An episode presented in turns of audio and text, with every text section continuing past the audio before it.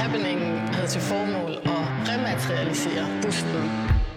Så kommer der den her store tv-kanon op, tager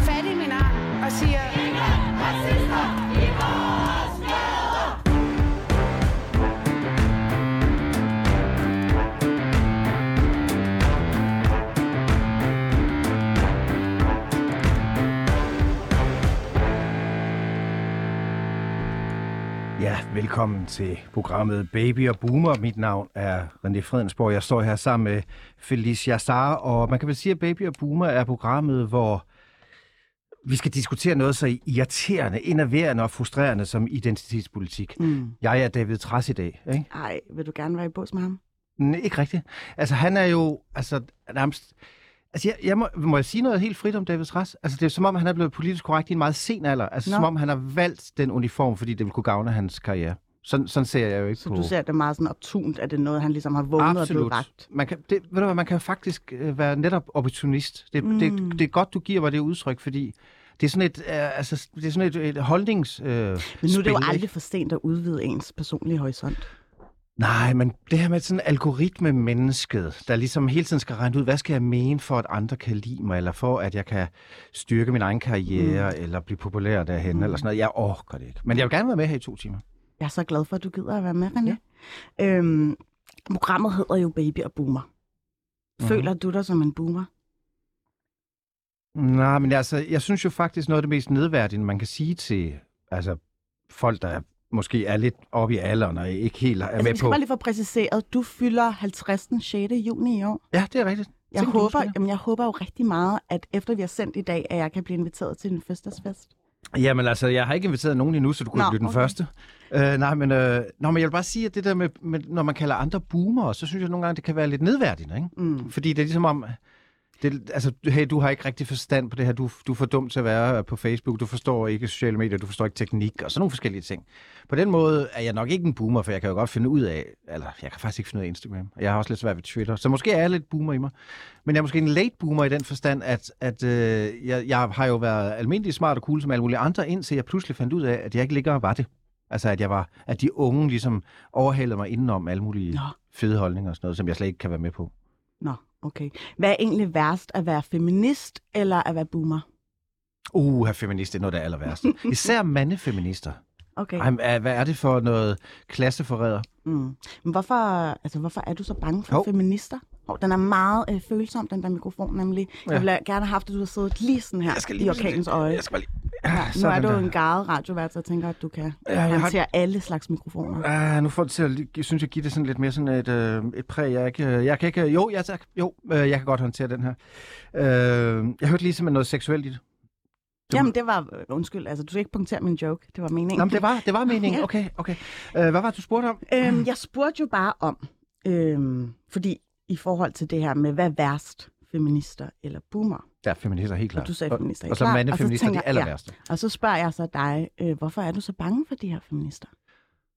Åh, oh, jeg tror, det er fordi, at øh, jeg, jeg, altså det, det er klart, de rokker jo ved den øh, forestilling om verden, jeg har. Altså ikke, at jeg skal sidde på magten eller sådan noget. Jeg, jeg vil meget gerne dele magten. Jeg er mm. egentlig ikke interesseret i magten som sådan. Jeg går også normalt mest op i, at folk, der ikke ønsker magten, får den.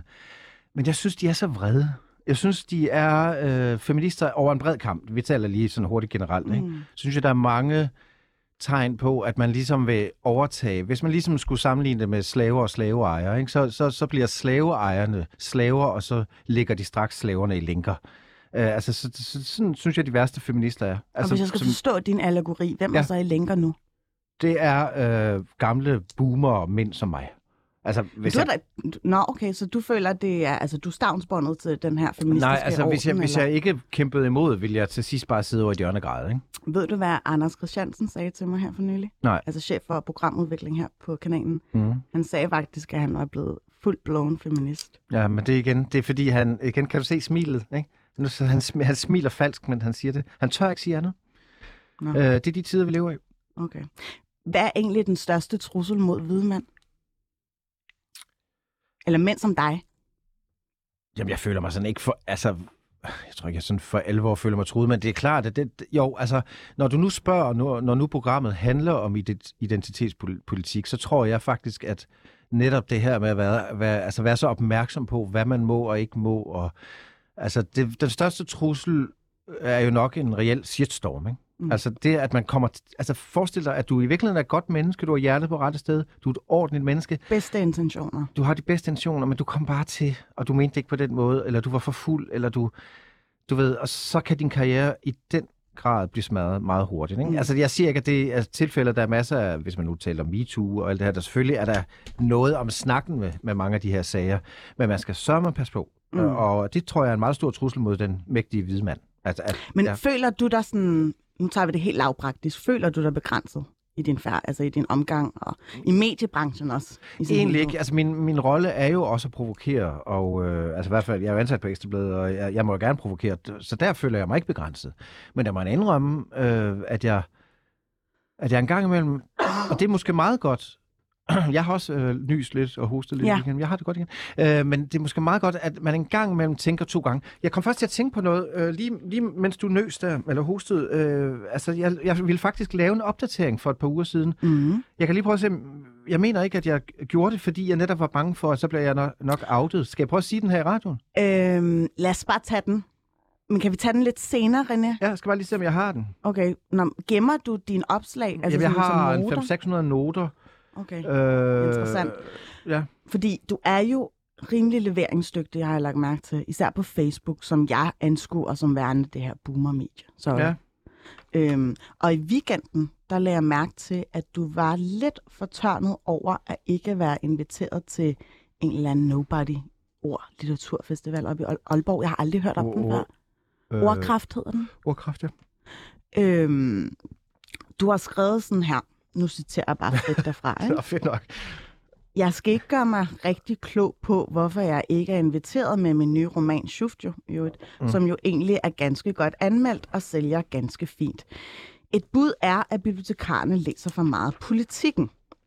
Øhm, og det er rigtigt nok øh, dem, der ligesom udvælger, hvem der skal være gæster og moderatorer. Ja, det er bibliotekarerne. Ja. Det er bibliotekarer. Der, ja. Og jeg havde håbet på, at du havde gjort dit forarbejde, fordi hvis man går ind og tjekker, ikke, mm. så sidder der ni kvinder. Nå, jamen, altså det... ni kvindelige bibliotekarer. Jamen, det er så godt. Jeg lader faktisk ikke mærke til det. Det er sjovt, du siger det. Jeg var faktisk inde og se, fordi jeg vil se, om der var nogen i, i netop den der bestyrelses, øh, udvælgelseskomiteen, der netop var nogen, jeg kendte, men jeg lader slet ikke mærke til, om det var kvinder eller mænd, faktisk. Jamen, de er bare sådan en grænsekagefigur, de er ikke så meget, at skulle okay. sagt. Det er okay. faktisk mere dem, der har altså, fingrene i muldet, dem der øh, bibliotekarerne. Okay. Øhm, og der er, ja, 1, 2, 3, 4, 5, 6, 7, 9 kvinder, der ligesom bestyrer den ret Fedt magtfulde nok. chance. Øhm, og så tænkte jeg, det er faktisk ret ærgerligt, at øh, du ikke fik lov til at komme derop til Nordens Paris og ligesom være lidt provokatør. Altså, ja, men det vil man jo ikke i den branche. Man vil jo ikke have nogen, der sidder og råber og skriger over i hjørnet og siger noget ubehageligt. Er du eller... sikker på det? det ja, det er, det er min fornemmelse efter mange år som kulturjournalist, at, mm. at øh, altså, litteraturen har en indspisthed og en, en måde at lukke sig om sig selv på, så det altid er de samme mm. Tordenskjold soldater, der bliver Ja, det skrev du nemlig ja. også indlægget. Nå ja, det var det, vi var i gang med. Øhm, men det sjove ved det er, fordi du skyder jo altid på det her parnasset, ja, ja, politikken, ja, ja. Twitter-segment osv. Og jeg ringede nogle af de her damer op, bibliotekarerne. øhm, de ville ikke stille op til interview, fordi de var gået på påskeferie og vice versa. De var lidt bange. Ja, det er de jo netop. Øhm, men jeg snakkede med en, der hedder Anine Kås, og hun sagde, at hun aldrig har læst politikken. Jamen, det kan jo... Har, har du en løgndetektor på den? Det Nej. tror jeg simpelthen ikke på. Nej. Hun, det, hun var sådan, jeg kunne aldrig drømme om at læse politikken. Jamen, det kan jeg så godt lide, at hun siger. Hun bor jo i Nordjylland, kan man sige. Nå jo, men uh, man må næsten tro, hun har prøvet det, siden hun så har holdt op. Ja, ja, altså hun har nok et sammenlignelighedsgrundlag, en referenceramme, men hun har aktivt valgt ikke at læse politikken. Jamen, ved du hvad, det, ved du hvad, det er jo, det gør mig allerede meget glad sådan mandag morgen. Mm. Altså, at, at der er nogen, der faktisk aktivt har fremvalgt Nu kommer der i hvert fald en avis. viden, som jeg håber ikke punkterer dit lidt øh, øh, tålige ego, fordi så snakkede jeg med en, der hed Iben Vestergaard og Pia Beckmann, i håb om, at de gad at stille op, ikke? Ja. Og jeg vil, jeg vil bare gerne høre, hvorfor har I ikke hørt om René? Han har skrevet den her præcis. velskrevet bog, Schuft. Jeg ja. har læst den. Ja, den foregår, der er noget af den foregår faktisk i Nordjylland. Det er rigtigt. Vi taler ja. allersidst, ja. Øhm, og der må jeg bare sige, at de ikke vidste, hvem du var. Nej. Men det er også okay, fordi man kan jo godt være sådan et mediefænomen her i København og sådan noget, uden at man overhovedet mm. øh, vækker nogen genklang i, i Nordjylland. Men jeg er så nødt til at sige, jeg udkommer trods alt på Gyldendal, så de tjekker sådan ikke de der lister. Men jeg tænker da også, at, at den har nok har været hæftigt belånt på bibliotekerne, så det Ja, er lidt mærkeligt. Det, det skulle man tro. Altså, jeg har en ven i Sønderbjerg, det må så være Kolding Bibliotek, hvor han siger, at der er to måneders ventetid på den. Altså, så der er nogle steder, der er køber Der kan du selv se. Ja, men, Men, men det understreger bare lidt min pointe om det her med, at øhm, du slår dig meget på, at du er ligesom den frække dreng i klassen, og mm. du er egentlig også sådan lidt proletar, ikke? ja, jo, det er jeg jo. Men egentlig så er du jo selv rimelig inkarneret del af kultureliten. Det er den, øh, den får tit, den der, at det er jo, ja, på en måde, men nej, det er nok mere sådan i medier. Jeg har jo øh, haft mit virke mange forskellige steder som journalist og kender mange. Men man kan sige, at når jeg er på Gyldendal, så er man jo måske en del af kultureliten. De heldige gange på Gyldendal. Mm. Åh, oh, selveste Gyldendal, som der er en jubilæumsbog, der hedder, ikke? Selveste Gyldendal. Mm. Øh, men, men det er ikke noget, man mærker. Gyldendal har jo ikke... Altså, jeg kunne da lige så godt selv have stået, og nu bliver min pressechef øh, på Gyldendal virkelig ked af det, men jeg kunne sådan set lige så godt selv have stået for lanceringen af min bog, fordi de har så mange udgivelser. Er det en At- kvinde, der er din Nej, publicist? det er faktisk en mand. Okay. Og han har skrevet bogen Alt handler ikke om dig. Og den kan man så gå hjem og læse, den der om st- stoisk, stoisk, stoisk filosofi. Altså, stois, altså stoiker og stoicismen, stoisme, ikke? ikke at forveksle med stomisme, eller sådan stomis med pose. Men, men, og han, han øh, er rigtig sød og rar. Men, men Gyldendal, må jeg bare sige, de har så travlt, at man skal ikke tro, man bliver nøset. Jo, hvis man hedder øh, Sut, Søren øh, Ulrik Thomsen, eller hvis man hedder... Altså dem, der tjener penge, skal nok blive nøset mm. og øh, blive inviteret til middag og sådan noget. Så, så man kan sige, sådan en, en type som mig, som jo lider af stor... Øh, stor selvtid, lavt selvværd, øh, kan jo altid finde grund til at føle sig udenfor. Mm. Men hvis du nu læser opslaget igen, ikke, så er det faktisk sådan lidt satirisk ment. Det er egentlig, for mig at se, så prøver jeg faktisk bare, og det er sjovt, det er faktisk sjovt, at du har prøvet at ringe til dem, fordi jeg havde overvejet, for jeg har en podcast på Ekstrabladet, som er hver tirsdag, bliver sendt om onsdagen, hvor jeg overvejede, at jeg ville ringe til dem og spørge, hvorfor jeg ikke inviterede mig. Altså mm. som en journalistisk lille happening. Ikke? Mm. Så den, altså jeg spiller jo også selvoptaget. Ja, det er selvfølgelig også lidt, det er vi jo alle sammen. Men jeg spiller det også lidt for at sige, jamen, kan, vi, kan, vi, kan jeg stampe en debat op af jorden omkring det her med, hvorfor er det altid de samme, der Hvem er bliver inde inviteret? Og hvem er, ja, hvem er inde, hvem er ude? Og øh, der er jo det... Christian Ditlev og Christian Ditlev. Han, jeg taggede ham jo flere gange i den tråd. Der er jo en kæmpe debat øh, bagefter. Ja, ja, det og han, han, han reagerer jo ikke. Han vender jo den anden kind til. Han er jo præst på Ja. Anholdt og vender selvfølgelig ja. den anden kind til. Men det der bare, det jeg provokerer ham lidt med, jeg forsøger at provokere ham med, er, at han for eksempel efter sine ikke vil dele scenen med mig på den i øvrigt rædselsfulde bogbilla. F- Selvom vi egentlig har nogle, nogle af de samme temaer i vores Det bøger. har han sådan aktivt fravalgt sig, eller hvad? Det er sådan, som jeg har forstået det. Det vil jeg da gerne diskutere med ham, mm. øh, fordi det interessante ved det er, at vi har samme redaktør, vi har samme temaer, men vi har også samme sådan, øh, sociale baggrund. Så os, der står uden for kultur, kultureliten, har det, øh, du ved, der kommer udefra med firetoget, eller hvor vi kommer, fra en anden klasse, vi har det med at bekrige hinanden, mm. i stedet for at stå Men sammen. sådan er det jo at spise kirsebær med de store. Ja, hvorfor er det altid proletarerne, der kæmper uden for slottet, ikke? Forstår du? ja det, så kommer I med noget andet. Ja, men vi burde egentlig stå sammen, mig og Christian. Ja. Men det vil det han ikke, og han vil heller I ikke ligner reagere på faktisk også lidt hinanden. Jeg er ikke så tyk. Men det kan du nå indhente, kan man sige. Ja. Øhm, René, hvorfor kommer der ikke flere afsnit af, af Gonzo? Det her kunne være et afsnit af Gonzo. Synes du det? Jamen, det er det jo, fordi jeg laver jo Gonzo med ham, du nævnte før, Anders Christiansen, som Ja. er chef her på radioen. Ja. Øh, jeg har lige mødt ham, og øh, vi taler egentlig ikke om noget særligt. Altså, Nå. vi er både venner og ikke venner. Altså, vi er både øh, gamle kollegaer og og så på en måde øh, egentlig evigt altid interesseret i hinanden, men så alligevel på hver sin vej og sådan noget. Men det, der så har været godt ved den podcast, du nævner, det hedder Mm. mm. En Gonzo siger goodbye, det, det er jo, at at i alt mit sludder og vrøvl, i alt min... Øh, altså min Jeg synes, der er mange guldkorn. Nå, Jeg har prøvet at, lytte til det. Men det er fordi, jeg prøver at lave en parodi på mediebranchen ved at sige, at jeg vil ikke være med længere. Altså, Men det har du gjort, det føler jeg, at du har gjort. Jeg er blevet voksen, og du laver stadig en parodi på mediebranchen og kultureliten. Mens du blevet voksen. Ja, men altså, mens jeg er blevet voksen. Du starter med at høre det som barn. ja, ja, altså det er sådan et narrativ, jeg er blevet fortalt. Nå, der er en, der hedder René Fredensborg, han elsker ligesom at gøre grin med eliten, bla, bla, så er sådan en fucking fed fyr. Mm. Og så er jeg i takt med, at jeg har taget nogle uddannelser og sådan fundet øh, vej ind i mediebranchen, så er René er stadig i gang med det samme. Ja, ja. Jeg kommer aldrig videre. Jeg står fuldstændig fast. Øh, I podcasten vil jeg bare være skovhugger, ikke? Jeg vil bare ud og, og fælde træer, fordi altså, Mm. man, man bliver jo aldrig fuldt ud accepteret i mediebranchen. Der vil altid være nogen, der ikke kan lide dig. Ja. Jo mere du råber, jo mere hadet bliver du faktisk også. Mm. Mm. Altså, så du kan aldrig sådan rigtig... Og du, du er aldrig helt sikker på, at du egentlig har det her job mere end et år gang, hvis du endelig får et. Og det, det, det er Han en usikker ret hurtigt branche. erstattelig. Altså. Lige så snart du har noget, ikke? Jo. så er der jo nogle andre, der vil have det. Altså, så derfor altså, har jeg altid følt mig lidt utryg i den her branche. Jeg har altid følt, at nogen også fik mere end mig, og fik mere løn end mig, og fik mere anerkendelse Same. end mig. Det, det vil se, folk genkender det, og det er det, jeg egentlig gør grin med, fordi mange journalister faktisk har det ligesom mig. Øh, og så synes jeg, det er sjovt at snakke om. Ligesom det er sjovt at snakke om højt og sige, hvorfor bliver jeg ikke inviteret? Altså, det er jo det, man ikke må sige. Du må jo ikke, du må fandme ikke skrive på Facebook. Øh, hvorfor er jeg ikke Det var kommet med? faktisk min vej ind til... øh, Var det det? Ved, ja. ja, altså jeg var sådan her, hvorfor er fucking David Træs blevet vært på en ungdomskanal? Det er, fordi han kender Simon Andersen, jo. Ja, præcis. Og øh, manden Og så vel... kom jeg jo ind, og så brokkede jeg mig til et job. Det, faktisk. det er skide godt. Altså, så jamen, du kæmpede dig ind, og det er det, man skal.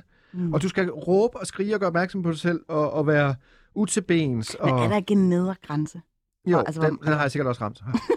Fordi at, øh, jeg har lagt mærke til i, i, i Gonzo der øh, med Anders øh, Christiansen, han blev ved med at omtale dig som fransk klovn. Ja, men det er jo det, jeg mener med, at altså, vi er jo både meget alike og så ikke. Det der, det der er det gode ved Anders og mit forhold, det er, at han ligesom på en eller anden måde har overskud og tålmodigheden mm. til ligesom at høre på alt mit lort. Mm. Øh, og, og, og han får det faktisk til at være morsomt. Altså fordi den måde, han ligesom slår igen på, eller udstiller mig på, synes jeg faktisk, at det er det morsomme ved den. Men det er, meget, det er en meget lille podcast, som er meget, meget populær hos nogle meget få mennesker. Primært mænd, kunne jeg forestille mig. Det, det tror jeg faktisk ikke. Har I lavet sådan en demografi på det? Og Nej, det, det vil være Anders, du skulle spørge om det. Det er også ham, der ved, hvor mange lytter vi har. Mm. Altså, jeg, jeg, jeg går bare rundt og snakker hele tiden. Mm. Og øh, jeg har jo det her sådan en, en næsten ufiltreret udadvendthed, som, øh, som er arvelig i vores familie. Det, det er ikke noget, jeg har opfundet. Det er, sådan er min far også, og min, min farfar. Vi er alle sammen sådan nogle... Altså, der er ikke, jo, der kan godt være et øjebliks ro ved middagsbordet, men så er det fordi, vi er i gang med at varme op, øh, at vi sidder og drikker eller sådan noget, altså lige skal svare på nogle beskeder. Men ellers så vil der være en ustandslig samtale om noget, vi føler os fortør- fortørnet over. Ikke? Mm. Og øh, det er jeg egentlig vant til, at det må man godt. Altså man må gerne sige, hvordan man har det. Mm. Og øh, i mediebranchen, der må man ikke altid sige, hvordan man har det. Der skal man Så ligesom er bøje hovedet. adfærdskodex. Ja, og man må godt være lidt øh, ydmyg og sådan noget. Ikke? Du skal lige forstå og, og, og kende din plads og sådan noget. Ikke? Og jeg gider ikke kende min plads. Jeg vil gerne være, jeg vil gerne skabe usikkerhed om. Fordi det der er, det er, at hvis du skal kende din plads, så er det også fordi, du skal, du skal acceptere. Arbejde for den, ikke? Ja, du skal, du skal arbejde for at blive anerkendt, og du skal acceptere, hvilken plads du har i hierarkiet. Det vil sige, at du må ikke røre ved det bestående. Og her kan jeg jo næsten give dig en gave i forhold til den her feminisme-tanke, ikke? fordi jeg kan faktisk godt lide, når folk, øh, altså det, det her Vogue-begreb, at folk, der ligesom er bevidste om, Woke. Vogidokis, ikke? der er bevidste om, at der skal røres, der skal hives ned fra hylderne, vi, ligesom med de gamle Ja. hippier. Ikke? Jo. Og det er også det, feministerne gør. Det er bare måden, det sker på, jeg godt kan lide at diskutere. Så jeg er faktisk sådan lidt, jeg, jeg er lidt i, øhm, jeg er lidt i, en, øh, jeg har det dobbelt med det. Altså på en måde forstår jeg godt oprøret, og jeg elsker alt, hvad der kan... Øh, Hvor er det, hvor er det vi kommer til at løbe panden mod muren? Hvem, feminist? er du feminist? Altså, jeg er feminist, Nå, ja. for fanden. Det er jeg. Mm-hmm. Øh, jeg synes... Prøv at spørge mig, hvorfor. Øh, Hvorfor er jeg feminist? det er fordi, jeg antager... Jeg, jeg, jeg, jeg burde egentlig også være nysgerrig, det er fordi, jeg antager bare efterhånden, at alle unge mediekvinder er feminister. Plus men, Anders Christiansen. Plus Anders Christian. Hvorfor er du egentlig øh, feminist? Tak fordi du spørger. Jamen, øhm, jeg er feminist, fordi at jeg er opvokset med en meget sådan mandsjuvenistisk far. Ja, Så det, jeg det tror jeg også. bare sådan tryk avler modtryk. Det er i hvert fald sket for mig. Ja, det er jeg faktisk også. Øh, vågnet, øh, vågnet, hvad jeg sige, øh, vokset op med en meget mandsjuvenistisk far. Men jeg ved, Men det var jo så i, i dit eget forvør jo, fordi du selv deler det samme køn som ham. For Ja. os var det jo bare sådan her, uh, mindre værd, ikke? På starten. Jo, det er du faktisk ret i. Sådan kan det godt være. Altså selv, altså os, der er vokset op i øh, patriarkatens, øh, eller patri, den, den patriarkalske skygge, altså som drengebørn tænker måske ikke over det, fordi vi får det hele foræret. Mm. Altså selvom sådan er det jo ikke rigtigt. Altså Nej. vi skal jo også kæmpe for anerkendelsen. Men der er Det er jo med- meget det, din bog ligesom tager udgangspunkt i. Ja. Altså det her galopperende faderkompleks. Ja, og at det ikke er kun er kvinder, der har det hårdt. Jeg, læste, jeg har faktisk læst øh, David Trasses kones bog, og nu kan jeg så ikke huske, hvad hun hedder, hvilket også er Hun helt genialt. hedder Rikke Vimose. Rikke Vimose. Den handler om, hvordan hun står i skyggen af sin mand, og så kan jeg simpelthen ikke lige nu huske, hvad hun hedder. Hvad? Der kan du se. Men den er faktisk meget god. Men Jeg vil også gerne have... Nu øh, taler jeg, tror jeg, den hedder faktisk. Ja, nu taler jeg. Øh, jeg blev mindet om mange ting i bogen, hvor, hvor også mænd tager det for givet, at du ved, det kan være barsel, eller hey, det, det er mig, der har den mest vigtige karriere, fordi det er mig, der Mm. tjener mest. Og sådan noget. Det, det, det kan jeg godt se. Jeg synes, hun faktisk har ret. Det, der skete dog det, jeg inviterede hende ind på Ekstrabladet. Jeg ville have anmeldt den. Øh, men hun ville ikke rigtig være med og sådan noget. Så tænkte jeg, så gider jeg heller ikke anmelde din bog. Jeg vil gerne have anmeldt den. Jeg tror, jeg vil give den fire stjerner. Ej, men undskyld, så er du jo selv med til at reproducere det der. Øh, ja. Du er ikke for fin nok til at være med i den her anmeldelse. Jamen, hun synes jo, hun var for fin til at være med på Ekstrabladet. Altså, jeg er du gerne lave- sikker på det? Hun har ikke tid i hvert fald. Og når folk ikke har tid, så er det samme som, at de ikke gider. Okay. Fordi hvis, der var Godaften Danmark, der ringede, Godaften mand økseskaft Danmark, som jeg plejer at kalde det. Det kan jo, altså lige nu er hun jo i USA med sin mand. Ja, ja, men det her, det er en måned siden eller to. Jamen, jeg tror også, hun rejste for en Ja, men, jeg, men nu, nu, det er også meget fedt, at vi bare kan sidde og snakke om mennesker, der ikke har. Men det er bare det der med, at hun... Jeg tror, hun Er det ikke alle podcast radio, der går ud på at snakke om andre mennesker, som ikke er i studiet? det er også en uskik. Nå, men det, jeg, jeg tror bare, jeg fik den der fornemmelse, at hun var bange for... Altså, jeg er jo nævnt i bogen. Altså som et eksempel på en øh, antifeminist. Øh, så jeg vil gerne diskutere med hende. Jeg havde nogle forskellige idéer til, hvordan vi kunne gøre det sjovt. Og jeg vil gerne mødes, og jeg vil gerne fortælle hende, og jeg vil gerne skrive en god anmeldelse. Men hvis man, hvis man ikke engang kan... Du ved, altså, hvis hun ikke engang vil stille op til et interview, så gider jeg ikke bruge tid på at anmelde den. Tror du ikke bare, hun var lidt bange? Du er jo Netop sådan lidt intimiderende. lige nu. Mm, nej, altså, jeg synes ikke, du er meget intimiderende, men jeg kan godt mærke sådan, uha, jeg skal passe på, ikke? Skal du? Det er sjovt, fordi jeg ved ikke, sådan tænker jeg ikke selv. Jeg synes egentlig, jeg er i godt humør. Ja. Sovet lidt for lidt i nat, men jeg jeg er okay, og jeg er ikke sådan en, der... Men det er rigtigt, jeg- altså, når du nu... Hvordan ser er man sig selv jeg, udefra? det er fordi Ja. nu, nu lægger jeg bare kortene på bordet. Jeg er jo sådan lidt bange for, at øh, en ting er at sådan være forudsigelig i min kritik af dig, bla bla bla, jeg vil gerne vælte dig og sætte over om. Men jeg er rigtig bange for, at du går på Facebook efterfølgende og omtaler mig som en hystade. Det, det plejer du at gøre. Jamen, nej, det ved jeg ikke. Har jeg plejer at omtale nogen som hystade? mm, det synes jeg, altså jeg gik travlt i hvert fald din Facebook igennem. Ja. Og du har lidt en tendens til at øh, omtale kvinder i negative vendinger. Undtagen Shine selvfølgelig. Er min kone. Ja. Fufu. Øh, der skiller hun sig lidt ud. Ja. Men typisk er det sådan lidt, at ja, det er sådan lidt nederdrægtigt sprog. Det kan du så godt. Det, har, det har jeg slet ikke tænkt over. Men jeg har måske også et eller andet problem med kvinder. Men det, jeg skal så sige til dig, jeg har ikke gennemtrålet dine... Jeg har, jeg prøver, altså, fordi jeg vil faktisk ikke... Jeg kunne jo godt have tjekket, hvad... Øh, altså, jeg ved ikke om du er på Instagram eller Twitter eller sådan noget. Jeg har ikke engang tjekket det, fordi Det har hvis jeg havde jeg. gjort det med dig, så ville jeg måske have fået et forhåndsindtryk. Øh, jeg har også en fornemmelse af, hvis jeg skal være helt ærlig, at du har været kæreste med en af mine venner, men jeg ved ikke, om det er dig. Det Men- tror jeg ikke. Nej, men hvis det, jeg vil bare ikke vide det, fordi jeg vil gerne altså, hellere have et rent interview, hvor jeg ikke har nogen fordomme om mm. dig, eller ikke har fået bekræftet min fordomme, kan man Mm. sige, endnu.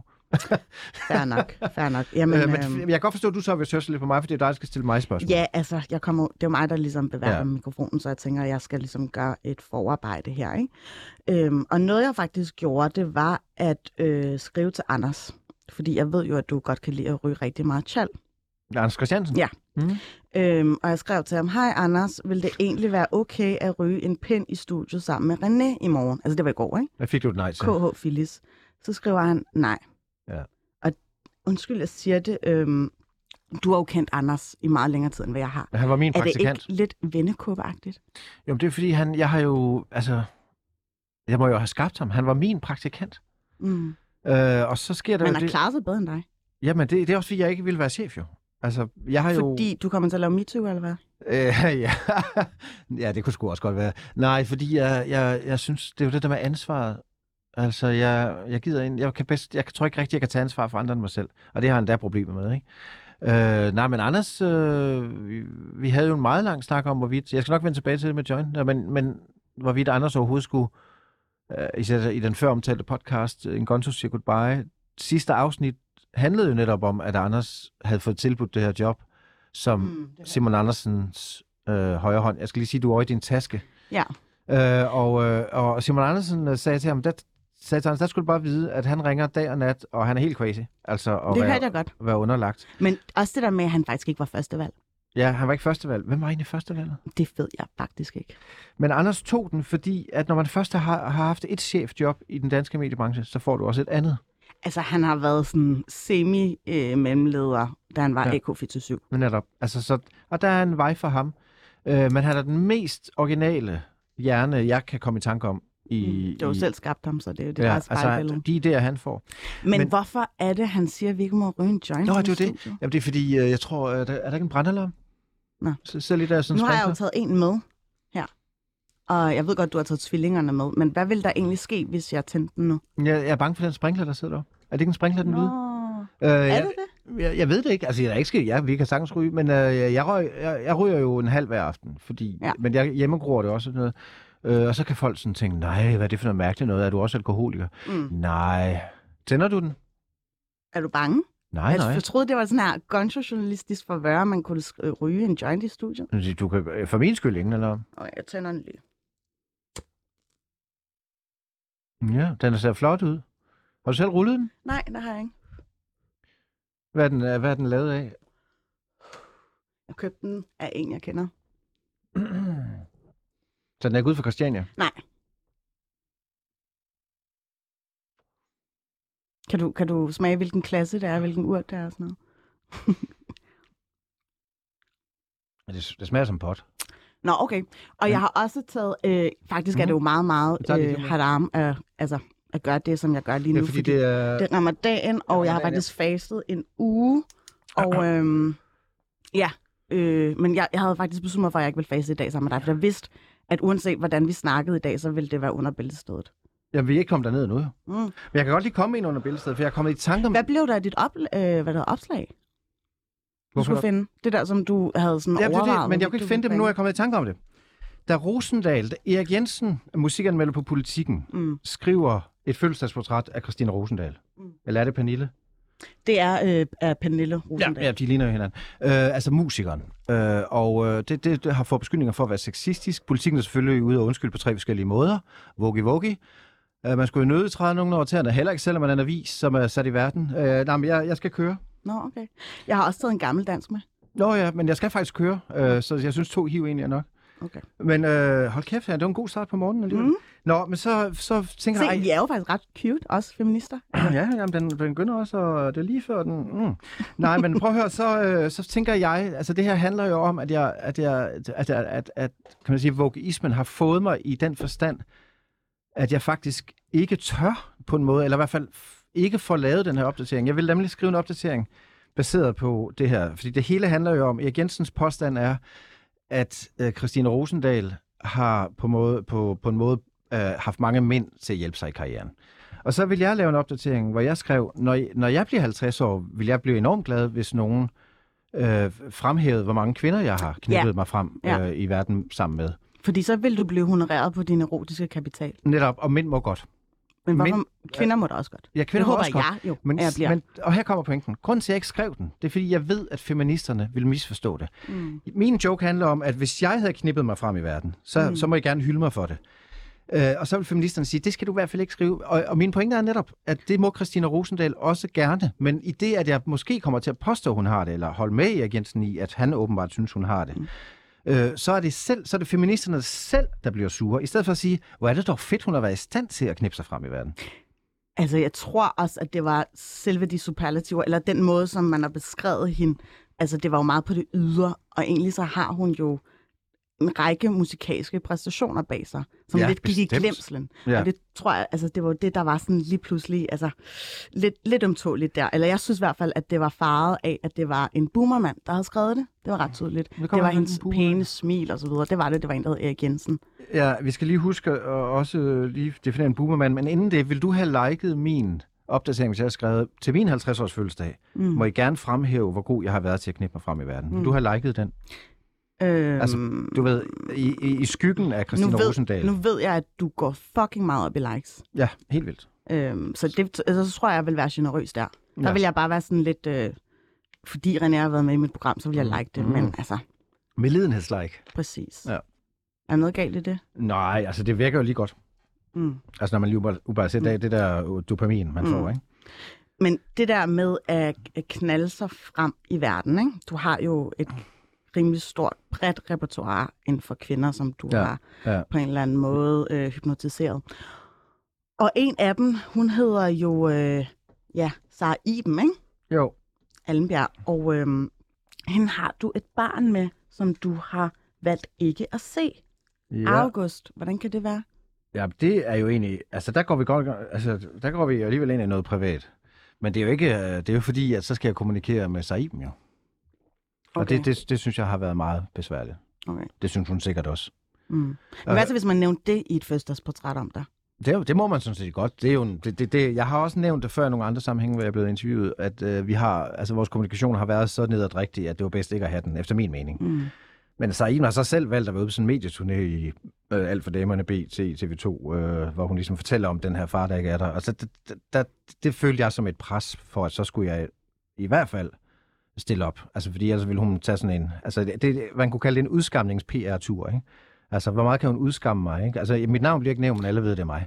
Og det, det, det, kan jeg ikke gå med til. Der kommer Hun har faktisk dannet en, en hygge julefrokostklub med Susan.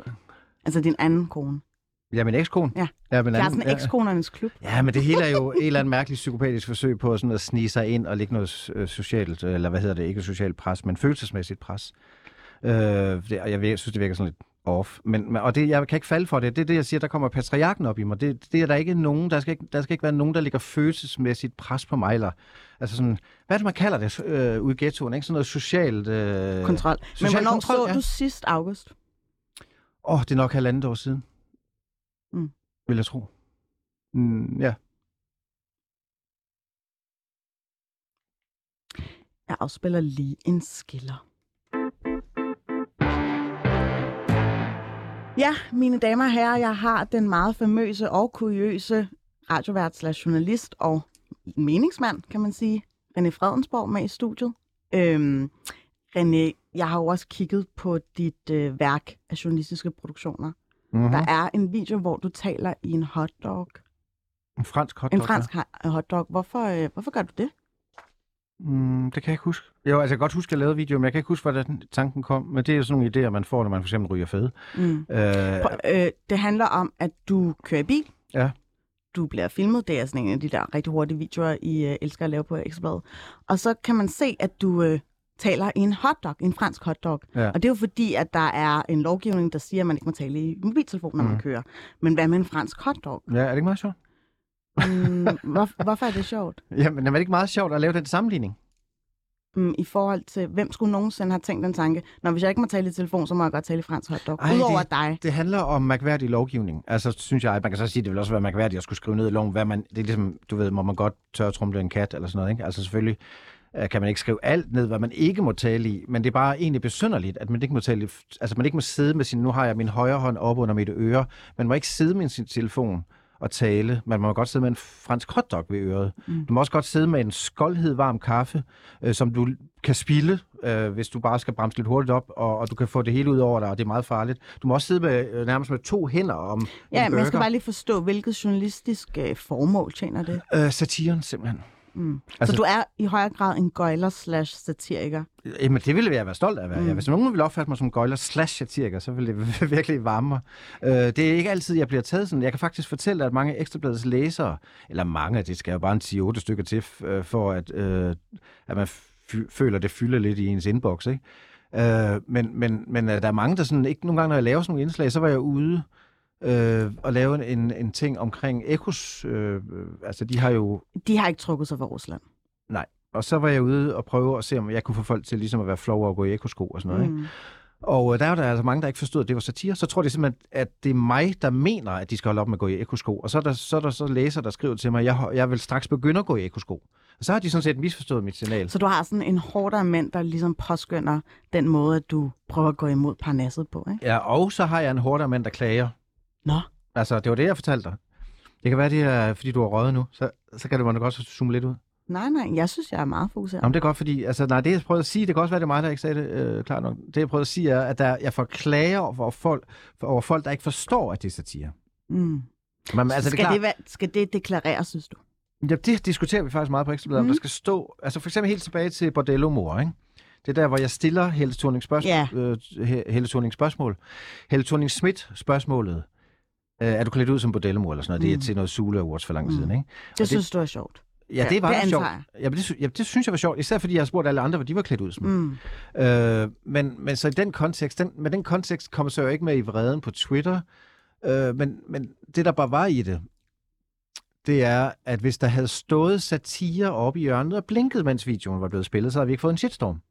Så i dag skal man simpelthen varedeklarere alting, men det nægter jeg, fordi så synes jeg lidt, altså går kunsten lidt ud af det, ikke? Ja, glansen går i dansen. Ja, jeg synes, det er sjovere det der med, at prøv at tænke lidt over, kunne det være satire, eller kunne det ikke være satire? Hvad er egentlig mest åndssvagt, virkeligheden, eller mig, der laver grin med virkeligheden? Mm. Mm. Altså, det er jo det samme, for at vende tilbage til det med den franske hotdog.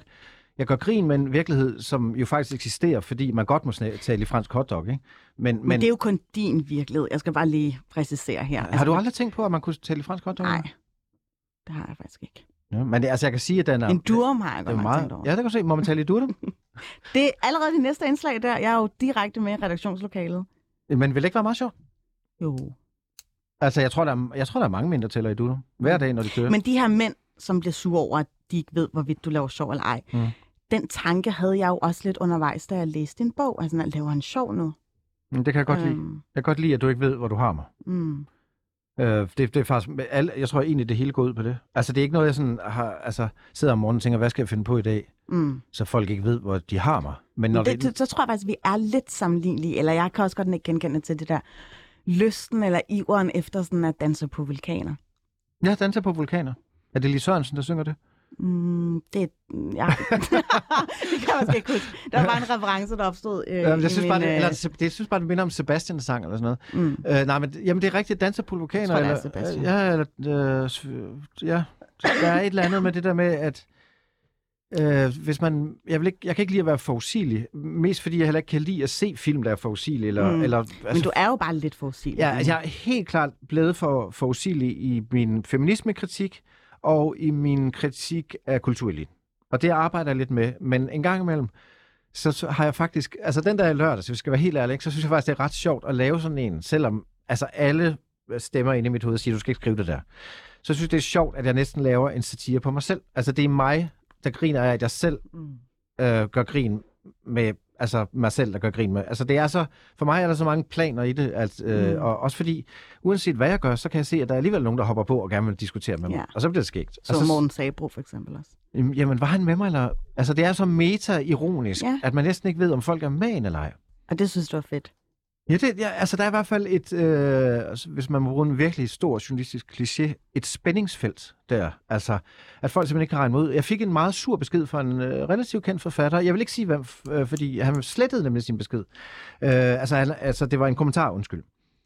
Øh, hvor han, jeg fik en god sviner ikke, for det der opslag. Og Den, jeg kunne se, den var landet sådan noget klokken 4.30 om morgenen. Ikke? Så han har Mm. nok været fuld, så jeg skrev bare tilbage. Sådan noget med, tak for din omsorg, og jeg kan se, det var lidt sent og sådan noget. Ikke? Og så skrev han så senere en person besked, undskyld, fordi jeg skrev og sådan noget, tilgiv mig. Og så skrev jeg tilbage, prøv at høre det. Ah, er det rigtigt? Ja. Må jeg se den? Mm, Jamen, så ser du, hvem det er, og det vil jeg ikke have, at du siger højt. Bare mellem mig så. Men øhm, okay, så jeg har jo, øh, personligt har jeg jo øh, været mig nogle øh, sociale, eller somi værver fordi jeg selv har lidt tendentiøst den der, det der behov for at skrive noget, som er sådan lidt whack. Ja, Øhm, og der har jeg nogle veninder, som jeg ringer til inden, for at sådan, kan jeg skrive det her? ja. Og hvor de sådan, ej, ej, stop skat, læg øh, telefonen fra dig. Og, og så hører jeg faktisk idé. efter. Det er en god idé. Altså, øh, jeg har faktisk, øh, den der, jeg nævnte med nu, er jeg også blevet 50 og har knippet mig gennem tilværelsen. Den spurgte jeg faktisk nogle forskellige venner, om de synes den var sjov. De synes den var sjov, men de synes ikke, jeg skulle lægge den op. Mm. Men jeg har faktisk også en øh, ung øh, kollega og ven, som, som jeg ringer til, når de brænder helt på. For eksempel under Bordello-mor-sagen, der ringede jeg til hende og spurgte, skal jeg gøre noget? Just sit tight, sagde hun. Altså, lad være med at gøre noget. Altså, det skal jeg have hjælp til fra unge mennesker, der ikke er Du lavede en boomers. Det kan man sige. Nå, men, øh, det står her. Du behøver ikke at læse hele, altså alle beskeden, du kan, altså bare, det er bare sjovt, du ikke tror på mig. Der står, undskyld, det er rigtigt, det er rigtigt. og, der og, står og vil du tilgive mig? Ja. Øh, og øh, det ved jeg egentlig ikke, hvorfor, fordi det behøver jeg jo ikke, og jeg, og jeg har svaret, han har så ikke svaret.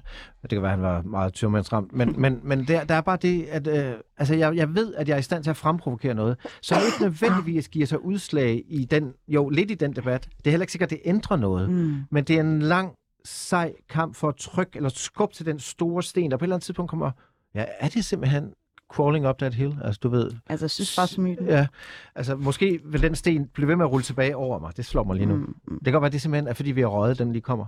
Det billede. At jo. du er meget boomagtig, eller hvordan? Nej, det der med, at, at, at ens, øh, altså min kamp mod kultureliten er en sten op ad bakken, der hele tiden ruller hen over mig selv. Mm. Hver gang jeg er deroppe og tror, nu Men er det, den der. det er jo et gangværende projekt, som man løber nærmest af stablen. hver Altså, jeg dør det. 10 Jeg, kommer, ja. Ja, altså, jeg bliver aldrig... Fordi man, jeg bliver nødt til at anerkende koderne. Der er ingen vej andre, eller ingen andre veje ind.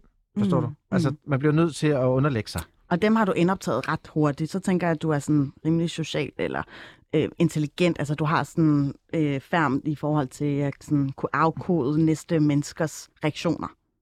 Kan man sige det? Det kan da godt være. Mm. Ikke noget, jeg har tænkt over. Men, men jo, altså, der, jeg synes i hvert fald, der er en forudsigelighed i... Øh, og det er sjovt, at jeg kan sige det faktisk. Altså, når, det sådan er, når man skændes med kultureliten, så er det jo aldrig de rigtig store. Mm. Mm. Så er det jo igen dem, der kommer udefra, som har fået en plads inde i kultureliten, som har en plads i Parnasset, som, som øh, gerne vil diskutere med mig, hvorvidt jeg har ret til at være der. Det er fordi noget af min kritik er jo netop, at de er elitære, eller at de er snobbet og født ind i det. Og så er Men det du er klart... jo også, altså undskyld, jeg siger det, du er også født i en rullegrav. føler. Altså, du har jo været sådan der skabsnop i tiden, altså siden Hva? Arils dage. I Varmdrup, det var jo din måde at ligesom positionere dig på i forhold til dine brødre. Nej, fordi jeg er ikke opvokset sammen med mine brødre, men, men øh, Nej, men så nogle af dine venner, så var du sådan her, prøv at se mig, jeg har en præference for franske film. nej, Er det rigtigt? det er ikke rigtigt. Øh, jeg, jeg, jeg tror nok, jeg engang lejede Nikita, da jeg var 15 år. Det er sjovt, du lige siger det. Jeg får bare et minde. At den fra Luc Bessons... Øh, Jeg kender den godt. Ja, og den var jo fransk. Og øh, hjemme hos os, der kendte vi ikke franske film. Så da jeg kom hjem med den, der kan jeg huske, at min stedfar øh, Arne sagde til mig, det der, hvad fanden er det for noget? Altså, har du også Mm. mm. sur rødvin med og nogle tørre flyts, ikke? Mm. Fordi, og, men så kan jeg huske, at vi endte med at se den, for det har immer væk kostede 100 kroner for tre film og Moviebox, ikke? Mm. Øh, og, han, og han synes, den var god, for den er pissegod. Men, men, men, og, men at, at se en fransk film, der hvor jeg vokset op, var snobbet.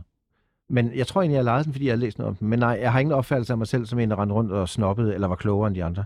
Tværtimod, altså fordi jeg endte jo også med at blive smidt ud af skolen. Jeg var ikke sådan specielt skoleinteresseret. Mm. Så jeg, kunne, jeg, kan være, altså jeg kan heller ikke regne. Jeg er virkelig idiot til at regne. Jeg har en elendig økonomi. Hvor gammel tror Øh. du, jeg er? Mm, 21.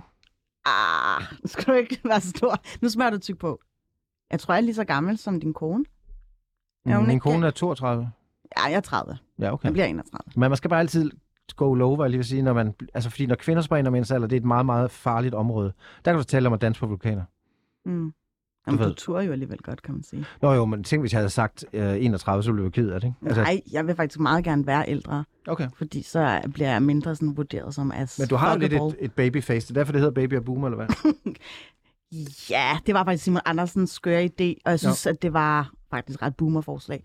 Men øh, jeg vil gerne, eller det var Anders Christiansen, som foreslog, at det skulle han, hun og hen. Men det siger man jo ikke længere hen, sådan rigtigt. Gør man ikke? Er det heller ikke i Sverige, eller hvad? Nej, jo, måske til dels lidt i Sverige, Man men siger, øh, nej, man er ude i de der... de er dem, ikke? De er dem, ja. Øh, så, øh, og så var jeg sådan, ej, så lavede jeg sådan en afstemning på min øh, Instagram, og så fandt jeg faktisk ud af, at den skulle hedde Baby og Boomer. Hvor mange følgere har du på Instagram? Ikke nok. Okay, jamen, øh, jeg, jeg, det, det er der, jeg, jeg er så boomer. Jeg kan godt, jeg har, jeg har faktisk, jeg, jeg var, da Instagram kom, øh, var jeg så altså hurtigt ude, at jeg har, at jeg simpelthen First hedder. Fredensborg. Altså, og selvom der er også en by, der hedder det, og slot, Mm. der hedder det og sådan noget, ikke? Og jeg ærger mig til... Er det et meget aristokratisk efternavn egentlig? Øh, nej, nej, det tror jeg sgu ikke. Jeg tror nok, at Fredensborg slægten er opkaldt efter Fredensborg Slot, fordi at den første præst, der var der i 1100 Grønlandkål, øh, dengang der gav man bare, det er derfor alle hedder et eller andet efternavn efter en by, ikke? så blev man bare opkaldt efter, hvad man nu hørte til. Mm. Så præsten dengang, som sikkert ikke har haft noget navn, fordi det var før navnet var blevet opfundet, han fik så navnet Fredensborg. Mm. Jeg føler, du var midt i en sætning, før jeg afbrød dig. ja, Undskyld. Ja, Før vi øhm, ligesom snakkede om øh, ja, dit Hvad var øh, jeg efternavn. at sige? Nå, men det var fordi, du faktisk var så fræk at sige, at jeg havde været sådan en, der i, øh, i min barndom havde været lidt sådan klogere end de andre. høj på eller strå, ikke? snobbet, højt Det på forestiller jeg mig, du har været. Ja, det er meget spændende at tænke over. Nej, jeg tror faktisk, øh, altså du kan tro det eller hvad, men jeg var faktisk meget generet som dreng. øhm, Og nu overkompenserer du for det, vel? ja, nu overkommenterer jeg for det. Jeg var meget generet og blev meget holdt nede. Nu kan jeg se, at mine drenge løber rundt. øh, jeg har mine tvillinger med. De er virkelig søde. Ja, altså mine børn er ret velopdragende. Altså, mm. så et eller andet kan vi vel hjemme hos os. Nå, men de løber Er, er rundt størstedelen af dem ikke øh, opvokset uden en far? Nej, det vil jeg ikke sige. Okay. Altså, jeg, jeg er her jo. Mm. Man Altså, kan- bare størstedelen af dem. Du har syv børn, ikke?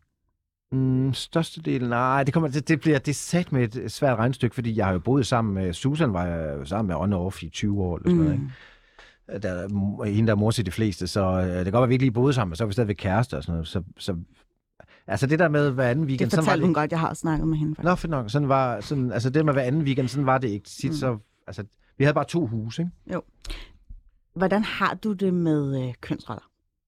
Mm, det har jeg det rigtig godt med, at der findes. Øh, Jeg kan godt lide, at, øh, at der er nogle ting, som man ikke behøver at diskutere. Øh, og Som jeg, er indlejret i vores... Ja, og øh, i forhold til mit, øh, det er jo nemmest at tale om sig selv, kan man sige. Altså også før man taler generelt. I forhold til, at jeg jo er gift med en filippinsk øh, dame, så kan man sige, at det er indlejret hos hende, at jeg tager mig af forskellige ting. Altså det kan være, øh, hvis lokummet løber, ikke? eller Mm. vandhagen ikke dur, og det kan bilen, alle de der klassiske ting. Hun kunne ikke drømme om og, og, og forholde sig til det. Så det er sådan, prim, altså sådan lidt forstokket kontrolmønster, du Ja, læner dig op af. Det er der ikke noget galt i. Nå, Altså, ja, vi man kan godt sige, det er jo kvindernes forstokkede kontrol, øh, eller, eller hvad hedder du sagde, kontrolmønstre? Sagde du? Nej, forstokket kønsrollemønster. Nå, kønsrollemønster. Ja, det er jo kvindens, øh, det er jo hendes forstokkede mønster, at jeg skal... At det, jeg har jo, øh, altså det her, det kommer til at lyde mærkeligt, men jeg har jo øh, gjort en meget, meget stor indsats for at gøre Shine, eller Majsa, som hun retligt hedder, til feminist. Det er flot navn. Ja, det er virkelig flot. Hvordan har du båret dig ad med den opgave? Du har prøvet at gøre hende feminist. Jeg føler, hun var feminist. Jeg vil gerne gøre... Jeg vil gerne, tidligere end dig i hvert fald. Ja, altså hun... Jeg vil gøre... altså ligeberettelse er jo ikke sådan så tydeligt på Filippinerne. Nu skal jeg bare lige sige om Filippinerne. De ligger højere på verdensranglisten end Danmark, når det kommer til øh, ligeberettelse. Mm. Det er ret sjovt. Mm. Og det, jeg, lad mig lige bruge et minut på det, fordi det er faktisk sådan, at der er mange øh, borgmestre, øh, også politikere, altså øh, folk i øh, politiske stillinger, øh, øh, dommer, øh, læger og sådan noget, der møder du rigtig mange kvinder. Altså, de tager simpelthen højere uddannelser. Mm. Øh, så derfor Hun er sygeplejerske, din kone, Ja, ikke? ja, og min øh, kone er så sygeplejerske. Det er bare for at sige, at Filippinerne er øh, kønsmæssigt sådan set højere op end Mm. Danmark i forhold til uddannelser og alt det her med glasloft og det, det, det kører godt. Man har også, øh, altså det er deres Man første... har øh, bestyrelseskvoter og sådan noget. Ja, men altså, det tror jeg ikke, de har. Jeg tror, de finder ud af det. Imelda Marcus, øh, som jo stadigvæk er i vælten på en eller anden måde, utroligt nok, er jo Filippinernes første dame, og det har hun altid været. Mm. Mm. Og altså, der, der har altid været meget stærke kvinder, og filippinske kvinder er meget stærke. Mm. Men de kan godt lide at spille det der kønsrollemønster. Altså, at mænd gør det, og de gør det. Og det er der jo mange Så hun kulturer. vasker stadig dine underbukser, eller hvad? Nej, det gør vaskemaskinen nu, fordi nu har vi jo sådan en. Nå. Det havde vi jo ikke dengang. Eller, Mm. jo, min far havde, men de havde givet at installere den, fordi de synes det var, øh, det blev renere i hånden, ikke? Øh, så, så man kan sige om det, at, øh, at jeg gjorde det, at jeg prøvede at gøre Shine mere bevidst om, at hun gerne måtte... Øh, da, da vi startede med at gå ud, så når jeg, vi sad ved, på en restaurant, og så sagde hun...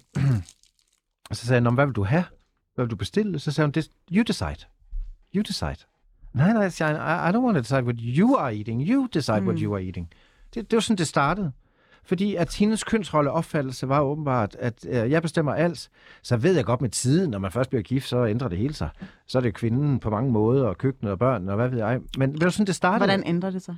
Jeg bare lige forstå. Hvordan det har ændret sig. Ja. Nå, på et eller andet tidspunkt, så holder man jo op med at gå på listefødder over for hinanden. Ikke? Og så øh, skal, man, så skal man nok få Går sandheden. du på listefødder for en kvinde? Ja, lige da jeg mødte hende jo. Der Okay. listede jeg rundt om hende. Hun var meget sky og skræmt. Mm.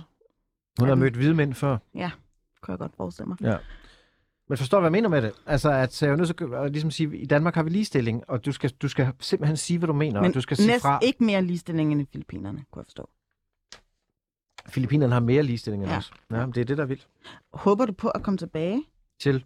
Altså, Filippinerne er været lidt Don Bjorno. Ja, ja, ja. Min far er ved at sælge det hotel, vi har dernede, som bogen Shift mange, på mange måder handler om. Øh, det eneste paradis, min øh, proletarfamilie har formået at bygge, er det her hotel nede på Filippinerne. Og øh, han, nu vil han sælge det, fordi han skal have til sin pension og sådan noget. Så der, Mm. der, der kunne jeg godt tænke mig at komme ned og redde det. Ikke for at bo der, men, men for at komme der selv en gang imellem. Og så øh, ansætte nogen, der kørte det. Altså, hvorfor skulle man miste det? Mm. Jeg har haft gode stunder dernede. Det var da jeg mødte min kone. Ja, ja. Og Altså. fik tatovering og så videre. Shiny øhm, Øhm, flot. Øhm, jeg tænkte på, øh, René, ja. er det okay det her?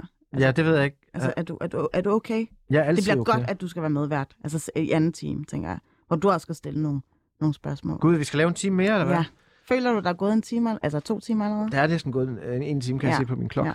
Jeg vil gerne lige bruge de sidste par minutter på at øh, forholde dig til nogle sådan identitetspolitiske mærkesager, eller sådan dilemmaer, eller spørgsmål, eller øh, kald det, hvad du vil. Øhm, og så skal du enten bare erklære dig enig eller uenig, eller sådan sige ja, nej, eller på, på den måde. Du må meget gerne uddybe, ikke? så vi kan Mhm. blive klogere. Øhm, vi tager den her. De personlige pronomener bør kun være reduceret til hun og han. Ja, Skal det være, er det ja, nej, eller hvad? Altså i det her tilfælde, så kan du jo bare sige ja, at det skal kun være reduceret til han og hun. Så godtager du ligesom også præmissen om, at der ikke er flere ja, køn. ja, ja, altså, jeg synes, pro- pronomer, jeg kan ikke engang udtale det ordentligt nærmest, er noget pjat. Simpelthen noget pjat. Hvad rager det egentlig mig, hvad, det- hvad du vil kaldes? Altså, så du, du kan, det kan I jo bare aftale internt hjemme i jeres familie. Jo. Men du kan ikke gå ud i verden og, regne med, at hele verden vil indrette sig efter, og var det hun, eller de, eller jeg, eller hvad var det, du skulle kaldes? Mm. Det kan sådan noget, synes jeg er helt latterligt. Okay, så det, det vil du ikke respektere? Øh, jo, hvis vi nu for eksempel var på en arbejdsplads, hvor jeg skulle sidde over for det menneske dagligt, mm. så kan det godt være, at jeg vil sige, Nå, okay, hvis det betyder noget for dig, så vil jeg gerne sige det. Men det der med, at man ligesom på forhånd går ud og regner med, at, at verden altså, har sat sig ind i det og forstået det. Det vil sige, at man kommer ind til et selskab. Jeg antager, at man kom til en eller anden fest, og så bliver man lidt fornærmet, at nogen sagde du. Altså, det kan man jo ikke. Og det er lidt det, der nogle gange ligger i debatten, at vi andre skal gå, altså ja, apropos listerfødder, ikke? vi andre skal på forhånd regne ud, hvordan vi skal forholde os til mm. folk, der faktisk er, er dem, der er i meget stort mindretal. Ikke? Og der synes jeg faktisk, du er lidt krakilsk. Ja, det kan det godt være. end jeg havde forventet. Tak for det. Øhm, selv tak. Det, var, det, altså, det tager vi som kompliment.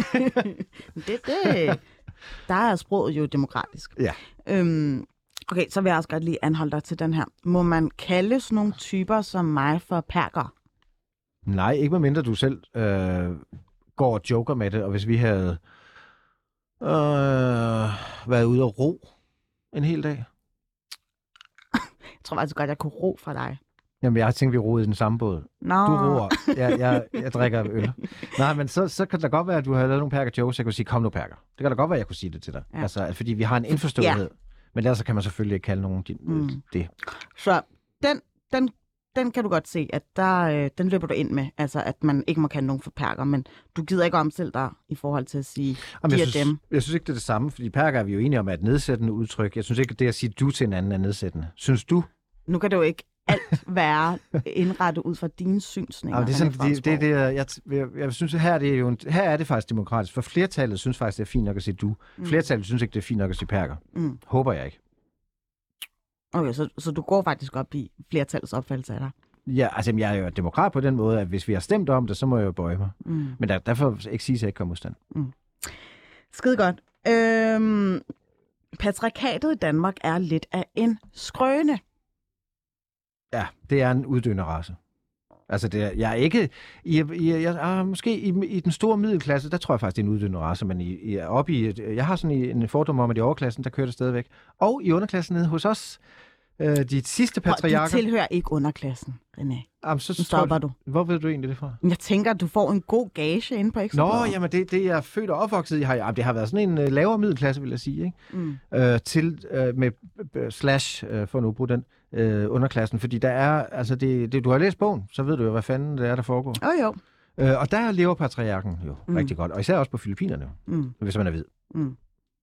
Okay, så, så det er derfor, du gerne vil tilbage. Øh, nej, jeg kan huske, du vil, du, du vil gerne have spurgt mig sådan noget med, om der egentlig, om jeg nogensinde havde været udsat for racisme, tror jeg, du har skrevet i en mail. Og der tænker jeg, tænkte på at sige til dig, ja, det bliver, det bliver jeg virkelig tit. Altså for eksempel på, på, på Filippinerne, når da jeg boede der, så skulle jeg betale dobbeltpris jo. Bare fordi jeg var hvid. Ja, men du har jo også øh, måske firedobbelt af der, altså deres indtægter. Ja, ja, men ja, nu har jeg måske, men dengang var jeg faktisk lige så fattig som alle andre, eller i hvert fald lige så arbejdsløs. Mm. Øh, og så kan man så sige, at hvis man vil opleve racisme, så kan man jo bare tage til streeten, street pride på Nørrebro, mm. så, så, og være hvid og ikke må gå med. Øv, hva? Ja. Der bliver du lige begrænset, hva? Ja, der er ikke noget, jeg vil ikke begrænses, og jeg begrænser Ej. nemlig heller ikke andre, det er jo det. Hvad Ej. fanden er det der, du serverer nu egentlig? Øhm, det er fordi, du sagde det der med underklassen, og jeg ved, at i underklassen, der drikker man Aalborg Aquavit. Så det Ja, den får er, du ikke, er den kold? Øh, lidt. Så, så det får du ikke. Altså, jeg, jeg Du drikker bare- jo sjovt nok, fordi jeg er vokset op på det der, hvad jeg lige vil sige, så drikker jeg jo Schumachers øh, Mm. slåen snaps, som jeg virkelig Det, godt det havde jeg ikke lige skabet. Nej, Men, det er en øh, kulturlig skål. snaps, men vi prøver den her. Mm. Jeg beder over. Gjorde du ikke det, eller hvad? Nej. Okay. Ja, Der er jo en time mere. Mund. Øhm, René Fredenborg, Ja. tusind tak, fordi du gad at være med i min første time, hvor jeg fik lov til at Hvad er det, vi skal tale om i næste? Jamen, selv tak. I anden time, der kører vi klassisk debat, og vi skal snakke om sex, og vi skal snakke om reformkommissionen. Det første lyder sjovere end det andet. Men øh, lad os se, hvad du kan. Den Mm. bider lidt, hva'? Den krasser lidt i halsen. Ja, du synes, den varmer helt ned i kugleren. Tusind tak, fordi du gad at være med.